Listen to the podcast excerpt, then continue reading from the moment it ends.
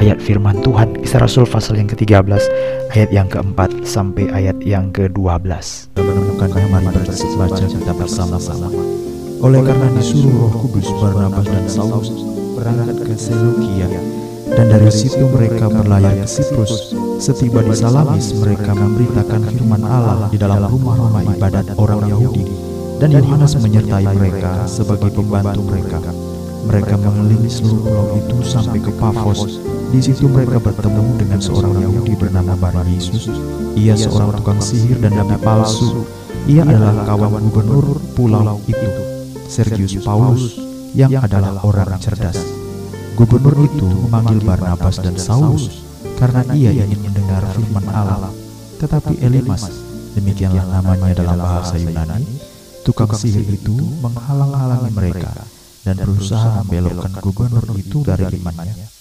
Tetapi Saulus juga disebut Paulus yang dengan penuh dengan roh kudus menatap dia dan berkata, Hai anak iblis, engkau penuh dengan rupa-rupa tipu muslihat dan kejahatan. Engkau musuh segala kebenaran. Tidakkah engkau akan berhenti membelokkan jalan Tuhan yang lurus itu? Sekarang, lihatlah tangan Tuhan datang menimpa engkau dan engkau menjadi buta. Beberapa hari lamanya engkau tidak dapat melihat matahari. Dan seketika itu juga orang itu merasa diliputi kabut dan gelap. Dan sambil meraba-raba, ia harus mencari orang untuk menuntun dia. Melihat apa yang telah terjadi itu, percayalah gubernur itu, ia takjub oleh ajaran Tuhan. Selamat pagi umat-umat Tuhan, kita bersyukur untuk anugerah yang Tuhan berikan kepada kita dan pada pagi hari ini, mari kita bersama-sama renungkan firman Tuhan dari kisah para rasul pasal yang ke-13, ayat yang keempat kita akan mulai membaca sampai ayat yang ke-12. Kisah Rasul pasal yang ke-13 ayat yang keempat sampai ayat yang ke-12. Kalau saudara-saudara Umat-umat yang dikasih Tuhan, kita bertemu lagi dengan seorang yang bernama Elimas, bahasa Yunaninya Elimas, tetapi nama Yahudinya Nama Yahudinya adalah Bar Yesus. Dia adalah seorang Yahudi. Pasal 13 ayat yang ke-6. Tetapi dia mengganti atau memiliki nama lain yang disebut Elimas. Pasal 13 ayat yang ke-8.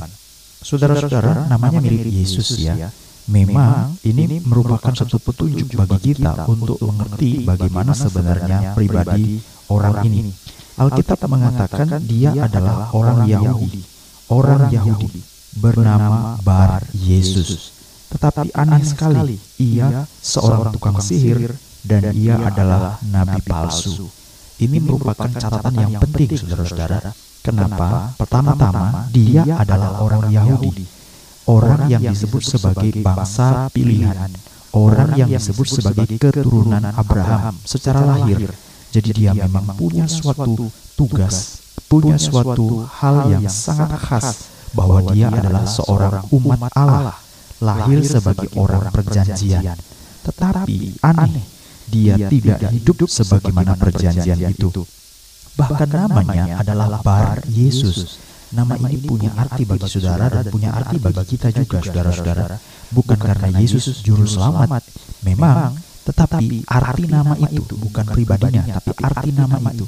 Bara itu artinya anak, Yesus itu adalah juru selamat atau penyelamat, Yosua, Yesua.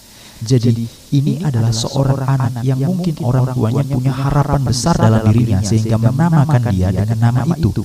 Atau dia juga disebut sebagai orang yang memiliki identitas Yahudi yang sangat kuat atau memiliki sesuatu pengharapan yang besar sehingga dia disebut sebagai anak juru selamat atau orang yang bisa diharapkan menjadi juru selamat. tetapi baik identitasnya sebagai keturunan lahiriah dari Abraham orang Yahudi. Baik namanya juga yang menjadi pengharapan. semuanya kacau. ini orang berarti nama saudara-saudara. ini orang itu namanya tidak sesuai dengan sifat dan keadaannya. dia adalah seorang yang disebut tukang sihir dan nabi palsu Alkitab mencatat dalam kitab Taurat bahwa tukang sihir, tukang tenung, peramal adalah kekejian bagi Allah. Kenapa bisa orang ini melakukan perbuatan ini? yang ditambah lagi dia adalah nabi palsu. Sepertinya orang ini memiliki sesuatu bidang yang tertarik dengan hal-hal yang bersifat dengan agama. Itu sebabnya dia mengklaim diri, menempatkan diri atau dikenali sebagai nabi, tapi bukan nabi yang asli, nabi yang palsu. Jadi memang ini suatu nama yang dalam sekali kalau kita panjangkan dan bisa kita bicarakan, tetapi kita tidak akan membicarakan itu pada pagi hari ini. Tapi saya ingin membicarakan tentang dua hal tentang orang ini. Jadi ceritanya orang ini adalah kawan baik daripada Gubernur Sergius Paulus. Sergius Paulus orang yang cerdas, gubernur yang ada di daerah uh, Pafos, saudara-saudara, itu adalah daerah di mana dia bukan orang Yahudi. Jadi waktu dia berteman dengan orang Yahudi, kenapa dia menjadi berteman dengan orang yang tidak percaya Tuhan atau tidak percaya pada jalan Tuhan? Dia membengkokkan jalan Tuhan. Itulah kata Paulus, dia membengkokkan jalan Tuhan. Nah, saudara-saudara dikasih Tuhan, orang yang bernama Sergius Paulus ini ingin mendengarkan firman Allah. Dalam ayat yang ketujuh, ia memanggil Barnabas dan Saulus karena ia mendengar ingin mendengar firman Allah. Tetapi Elimas atau Bar Yesus ini yang orang Yahudi ini dia menghalang-halangi mereka dan berusaha membelokkan gubernur itu dari imannya. Jahat sekali ya. Jadi ada dua catatan yang bisa kita renungkan di sini bahwa inilah keadaan orang yang sering kali bisa menjadi sandungan, bisa menjadi satu halangan. Seharusnya Anda justru memberi bantuan karena kamu adalah orang Yahudi. Kamu adalah keturunan Abraham. Kamu lahir sebagai orang kafanan berada dalam perjanjian. Tetapi harusnya engkau memberi bantuan, memberikan dukungan, tetapi justru engkau yang menghalang-halangi orang untuk mengenal keselamatan. Kalimat ini pernah dikatakan Tuhan Yesus kepada para ahli Taurat orang Farisi. Karena apa? Karena mereka adalah orang yang harusnya membantu membantu umat, membantu masyarakat, membantu orang-orang bukan hanya orang Yahudi bahkan semua manusia. Karena dari awal Tuhan mengatakan kamu umat pilihan yang akan menjadi berkat bagi semua bangsa. Tetapi kamu tidak mau. Olehmu semua kaum di muka bumi akan mendapat berkat, tetapi kamu enggan. Kamu merasa eksklusif, kamu merasa bahwa keselamatan hanya milikmu sendiri. Harusnya ini dikerjakan oleh orang Israel secara khusus. Para ahli Taurat, orang-orang Farisi, saudara-saudara. Kamu yang lebih ngerti kitab suci. Kamu yang lebih banyak bergumul dengan suatu peraturan-peraturan Taurat. Kamu ahlinya. Tapi justru kamu tidak membantu orang supaya mengenal keselamatan. Melainkan kamu menghalang-halangi mereka. Kamu menghalang mereka. Matius pasal 23 ayat yang ke-13. Matius pasal 23 ayat 13. Celakalah kamu hai orang Farisi ahli Taurat. Kamu orang-orang munafik, kamu menutup pintu-pintu kerajaan surga. di depan orang. Orang itu pengen masuk, kamu tutup pintunya. Kamu sendiri tidak masuk, dan kamu bahkan merintangi orang atau mereka yang berusaha untuk masuk. Jadi mereka-mereka ini orang yang jahat Tuhan mengatakan engkau celaka. Jadi Elimas ini, Bar Yesus adalah orang Yahudi. Harusnya engkau memiliki suatu pengenalan, pengharapan, sesuatu kesungguhan, ketulusan, dukungan. Tetapi engkau bukanlah menjadi orang yang mendukung, tapi menjadi orang yang menghalang celakalah engkau. Yang kedua, kalimat ini juga pernah dikatakan Tuhan Yesus kepada Petrus. Karena apa? Nanti kita baca kalau Elimas atau Bar Yesus dikatakan Saulus, kamu anak iblis. Itu memang pekerjaan iblis. Menghalangi orang untuk masuk mengenal kebenaran. Menghalangi orang untuk mendengar firman Allah. Yesus pernah berkata kepada Petrus, enyahlah iblis. Kenapa? Karena engkau menjadi penghalang. Engkau menjadi batu sandungan bagiku. Matius 16 ayat yang ke-23. Dia berkata kepada Petrus. Petrus berkata, Tuhan jangan engkau mati, jangan engkau disalib engkau hanya memikirkan pemikiran sendiri, pemikiran manusia. Engkau tidak memikirkan pikiran Allah. Engkau tidak memikirkan kehendak Allah. Engkau tidak memikirkan kepentingan kerajaan Allah. Engkau enyahlah iblis. Saudara-saudara jadi orang yang hanya memikirkan diri sendiri, pikiran sendiri, tidak pikir kehendak Allah. Hati-hati. Menghalang-halangi orang bukan untuk kenal kebenaran hati-hati Berapa banyak orang larang untuk kebaktian. Nanti aja kebaktian, besok aja kebaktiannya. Kalau bisa jangan kebaktian. Kamu melarang-larang, melarang-larang dosamu itu bukan sepele, itu pelanggaran serius. Bahkan hamba-hamba Tuhan yang menceritakan Alkitab dengan cara salah atau menafsirkan Alkitab dengan cara salah atau menggunakan ayat-ayat Alkitab untuk memuaskan sesuatu yang salah bukan kehendak Tuhan, kepentingan sendiri. Itu pelanggaran yang serius. Jadi saudara-saudara dikasih Tuhan, inilah yang pertama, menghalang-halangi, serius sekali. Yang kedua yang terjadi adalah pada waktu dia ditegur oleh Saulus, oleh Paulus, ada satu hal yang terjadi, kamu menjadi buta. Istilah buta ini adalah suatu penyakit yang pernah dialami juga oleh Paulus sendiri. Dan ini juga dialami oleh Elimas oleh Bar Yesus. Ada apa dengan buta? Buta menunjukkan sesuatu yang kamu bisa lihat tapi kamu tidak lihat. Sesuatu yang kamu harusnya bisa lihat tetapi kamu tidak lihat. Itulah keadaanmu. Jadi kalau kamu harusnya bisa lihat tapi kamu tidak bisa lihat berarti kamu buta. Tapi sebaliknya, walaupun kamu tidak bisa melihat tetapi kamu sungguh bisa mengenali, maka kamu tidak buta. Ini adalah kata-kata yang dikatakan Tuhan Yesus dalam Yohanes pasal 9 waktu dia menyembuhkan orang buta sejak lahir. Orang buta ini sama seperti Bartimeus, dia mengenal Tuhan walaupun dia buta. Jadi mata fisiknya buta, tetapi sesungguhnya di mata Allah dia tidak buta, dia melihat. Tetapi sebaliknya, banyak orang mata fisiknya terbuka, tetapi dia tidak mengenal Tuhan. Dia tidak mengenal rencana Tuhan, kehendak Tuhan, firman Tuhan. Di mata Allah kamu buta. Jadi kalimat yang dikatakan oleh Tuhan Yesus sendiri kepada orang-orang Farisi. Kembali lagi orang Farisi, saudara-saudara. Mereka adalah orang Yahudi, harusnya membantu tapi menghalangi. Kamu adalah orang yang buta. Bagaimana ceritanya? Yohanes pasal 9:39. Yesus berkata, "Aku datang untuk menghakimi agar yang tidak dapat melihat bisa melihat, agar yang melihat itu menjadi buta." Orang Farisi ada di situ, dia mendengar lalu ngomong, "Apa kami buta?" Lalu Yesus mengatakan, "Kamu berkata, bahwa kami tidak buta. Andai kata kamu berkata kami tidak buta, maka kamu tidak berdosa.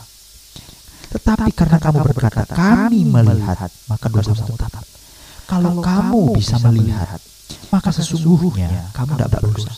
Tetapi karena kamu tidak mau melihat, melihat kebenaran, sudah nyata-nyata dipaparkan di depanmu, tetapi tetap kamu tidak melihat kebenaran itu, berarti kamu buta. Jadi sebenarnya saudara-saudara apa yang dialami oleh Elimas Bar Yesus itu adalah kenyataannya. Jadi kita ini hidup sebenarnya penuh dengan pengampunan Tuhan loh. Sebenarnya kita ini mati, tapi kita masih ada nafas toh. Jadi banyak orang lupa bahwa Alkitab mengatakan kita berdosa, kita melanggar, kita mati. Di mata fisik kita masih nafas, tapi di mata Allah kita mati. Hanya Roh Kudus yang memberikan kepada kehidupan. Sebaliknya, ada orang yang mati, tapi sebagai orang benar di mata Allah, dia hidup. Sungguh-sungguh dia hidup. Karena Allah itu bukan Allah orang mati, tapi Allah orang hidup. Jadi saudara-saudara, Yesus mengatakan, Akulah kebangkitan dan hidup. Barang siapa yang percaya kepadaku, ia hidup walaupun dia sudah mati. Jadi sering kali orang lupa yang real itu bukan yang kelihatan ini saudara. yang kelihatan mungkin matamu celik. yang kelihatan mungkin wajahmu sempurna. yang kelihatan mungkin kamu tidak cacat. tapi di mata Allah kamu buta kamu miskin kamu apa itulah sebabnya Yesus berkata kepada jemaat. dia berkata kepada dalam kitab Wahyu belilah daripadaku minyak untuk melumas mata supaya kamu mengerti bagaimana keadaanmu yang sebenarnya.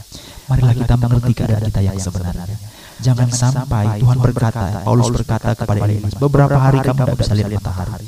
Kenapa? Supaya kamu menyadari itulah keadaanmu sebenarnya di hadapan Allah kita, Allah Yahudi, Allah pencipta.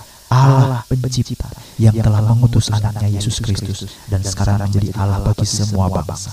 Kamu tidak mau terima, kamu tidak mengerti, justru kamu menghalang-halangi gubernur yang mendengarkan firman Allah ini, kamu halang-halangi, kamu buta dan kamu tidak lihat matahari supaya kamu punya kesempatan untuk merenungkan bagaimana dan siapa dirimu di hadapan Allah. Paulus pernah buta kisah Rasul 9 menyadari bagaimana dirinya di hadapan Allah. Dan orang yang buta sejak lahir bisa melihat, menyadari itulah dirinya di hadapan Allah. Dia mengenali juru selamat. Bartimius mengenali juru selamat walaupun matanya buta. Tuhan memberikan kepadanya kenyataan rohani, yaitu apa matanya celik. Tetapi orang-orang yang disebut Farisi, matanya terbuka, tapi sungguhnya engkau buta. Elimas diberikan Tuhan yang lebih jelas. Kamu bisa melihat, tetapi kamu sesungguhnya buta. Beberapa hari kamu tidak bisa melihat. Jangan sampai beberapa hal yang nyata Tuhan berikan kepada kita karena hati kita keras karena kita terlalu melawan, karena kita tidak mau terlalu membela, dan diri kita kita tidak mau terbuka di hadapan Tuhan. Biarlah Tuhan menolong dan memimpin kita. Tuhan Yesus Kristus kami menyerahkan hidup ke dalam tangan Kami percaya bahwa waktu kami ada bukanlah untuk kepentingan kami. Jangan kami menjadi orang yang menghalangi, tapi justru kami dipakai oleh Tuhan menjadi orang yang mendorong, mendukung, membawa, menjadi pembuka jalan, perintis bagi orang-orang mengenal Kristus sebagai Tuhan Juru Selamat. Pakailah hidup kami dengan kenyataan yang sungguh-sungguh bukan dengan kenyataan yang palsu, bukan dengan kenyataan yang dibalut dengan hal-hal yang fisik yang menarik bagi dunia. Tapi biarlah kami mau menjadi orang yang celik, yang jujur, yang terbukti benar di hadapan Allah. Sehingga dalam langkah-langkah hidup kami, kami tak percaya dengan iman bukan berdasarkan apa yang kami lihat. Karena hidup bukan melihat, tapi hidup karena percaya. Itulah orang beriman. Itulah sebabnya tuntunlah kami yang sepanjang hari ini supaya apa yang kami lakukan mempermuliakan nama. Dengar sembahyang kami dalam nama Tuhan Yesus Kristus, kami berdoa. Haleluya. Amin. Mau teman Tuhan demikianlah anugerah surga Bapaknya. Turunlah anugerah Allah Bapa, cinta kasihnya Tuhan Yesus Kristus, persekutuan Roh Kudus menyertai, menuntun, memimpin hidupmu dari sekarang sampai datang kembali. Terimalah anugerah surga, berjalanlah firman-Nya sepanjang waktu hari ini dalam Tuhan Yesus Kristus. Haleluya. Amin. Selamat pagi saudara-saudara sekalian.